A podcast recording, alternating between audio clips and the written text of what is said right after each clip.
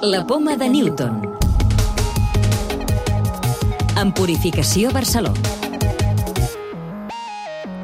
Aquesta setmana us parlem d'un fàrmac que es produeix a l'Estat i que en estudis de laboratori ha demostrat que és capaç de rebaixar fins a un 99% la càrrega viral del coronavirus.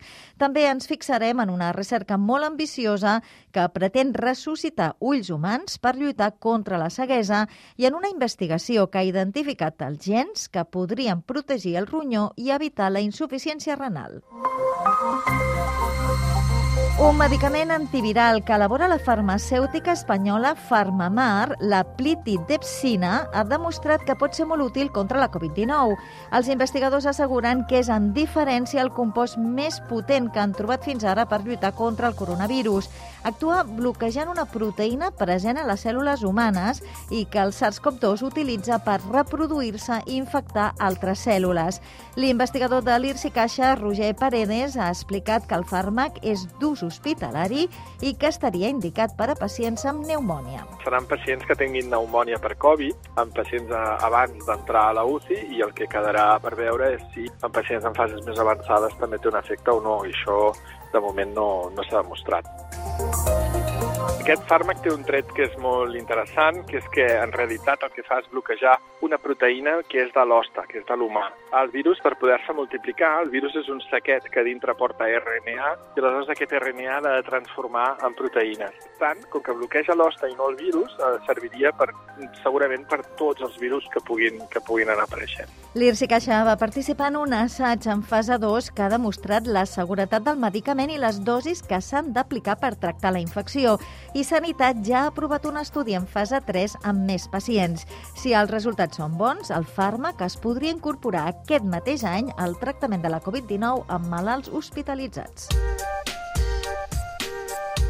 Més coses, un equip científic liderat des de Catalunya pretén ressuscitar ulls humans per impulsar la recerca en malalties que poden provocar ceguesa. Aquests investigadors, coordinats des del Centre de Relació Genòmica, han creat un dispositiu, l'ECAVOX, que funciona amb sang artificial, reprodueix l'humor vitri i pot permetre conservar els ulls per fer recerca durant un mes. Pia Cosma és el responsable del projecte. Una caja donde podemos poner estos ojos de donante y, y vamos a crear sangre artificial o un vitreus, que es una sustancia que está en el ojo para mantener la funcionalidad del ojo en buen estado por un tiempo. Identificats els gens que podrien protegir davant la insuficiència renal. Investigadors de l'Institut de Bioenginyeria de Catalunya, IBEC, han participat en un estudi internacional que ha trobat quins gens podrien complir aquest factor de protecció i evitar danys crònics al ronyó. L'estudi s'ha fet amb mini ronyons que reprodueixen a la perfecció els òrgans humans.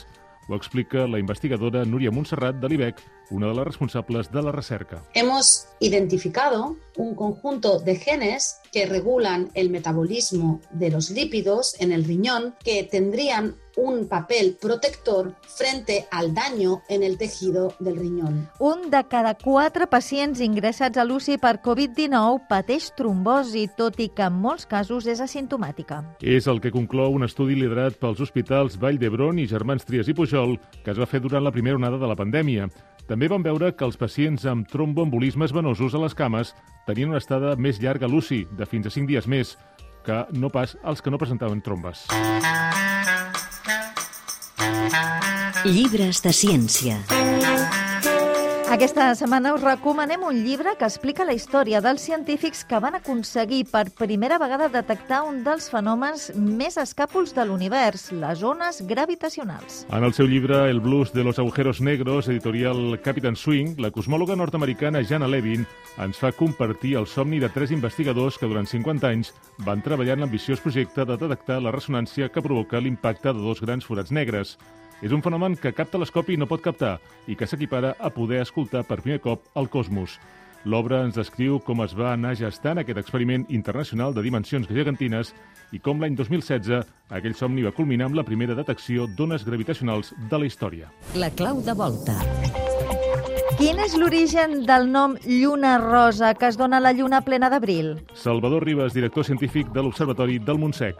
Sol tenir un origen anglosaxó. I en aquest cas, doncs, a la lluna plena d'abril, hi ha una tradició doncs, a Nord-Amèrica que se li associa el nom de lluna rosa perquè és el moment en el qual floreix una planta que és de color rosa, una mena de molsa rosada, és un moment en el qual els camps doncs, plenen aquest color rosat, doncs algunes zones d'Amèrica del Nord, doncs a la lluna plena d'aquesta època se li deia lluna rosa. Recordeu que podeu descarregar-vos el podcast de la Poma de Newton o subscriure-us al programa per rebre'l directament als vostres dispositius.